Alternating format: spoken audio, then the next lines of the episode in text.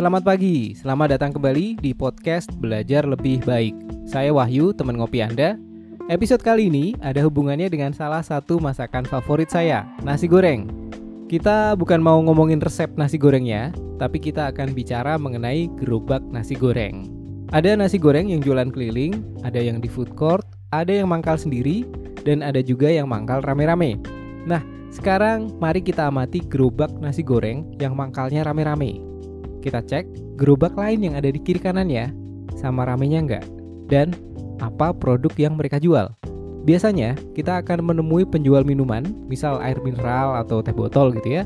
Kemudian penjual mie ayam dan penjual jajanan, misal gorengan, cakwe, seblak, dan sebagainya. Pertanyaannya, ada nggak yang di sebelahnya jualan nasi goreng juga? Pertanyaan berikutnya, apa yang dirasakan oleh para penjual tersebut? Berebut customer atau justru saling melengkapi? Terus, apa yang kira-kira terjadi kalau gerobak yang lain yang di lokasi yang sama ikutan jualan produk yang sama, yaitu nasi goreng? Hmm, mungkin akan muncul persaingan yang keras, bisa jadi perang harga, atau bisa juga muncul pemain besar yang pasang predatory pricing, seperti yang kejadian di marketplace. Ujungnya ada pemenang dan ada yang hancur. Nah, ada hal yang menarik Berhubungan dengan ini, di sebuah buku lama, terbitan tahun 1910, kita belum lahir ya, tulisan dari Wallace D. Wattles.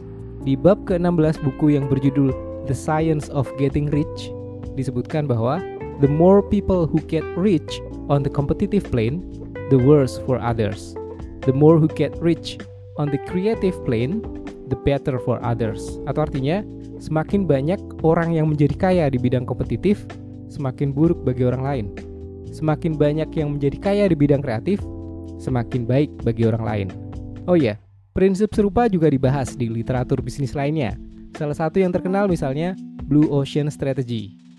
Jadi kira-kira sudah kebayang ya, mana yang lebih asik?